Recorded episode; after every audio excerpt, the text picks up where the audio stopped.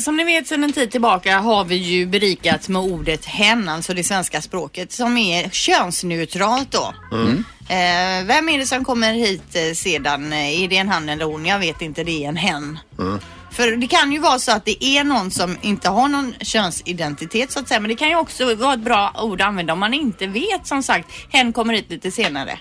För att man inte vet om det är en tjej eller en kille. Så tänker jag. Ja, men lite, lite skönt att slänga in det när man... Precis, och vi har ju gått i bräschen för det här i Sverige men nu har man även då i engelskan fått det här könsneutrala ordet som lik, likartat då med hen.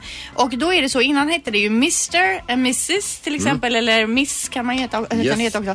Nu har man då lagt till mix, mix. Mix. Och då är det, kan det vara en herre eller en fru eller eh, någonting som, eller någon som man inte riktigt vet då. Eller Men vet så. man efternamnet på någon för, som man då måste göra i det här fallet, då, då borde man ju veta vad det är för kön. Kan man tycka. Jag tänker att om man, man säger väl sällan Mrs bara, man säger väl Mrs Johnson eller Ja, kanske man säger Mix Johnson. Mix Johnson, för man vet inte vem. Alltså mix det är MX och jag antar att det uttalas då. Jaha. Mix. Mix, Mix. Mix. Mix. Mix Megapol ska gå vidare i programmet nu också faktiskt. Vi är könsneutrala. Ett poddtips från Podplay.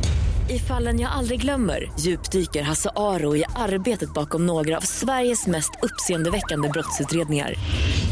Går vi in med hemlig telefonavlyssning och, och då upplever vi att vi får en total förändring av hans beteende. Vad är det som händer nu? Vem är det som läcker? Och så säger han att jag är kriminell, jag har varit kriminell i hela mitt liv men att mörda ett barn, där går min gräns. Nya säsongen av Fallen jag aldrig glömmer på Podplay.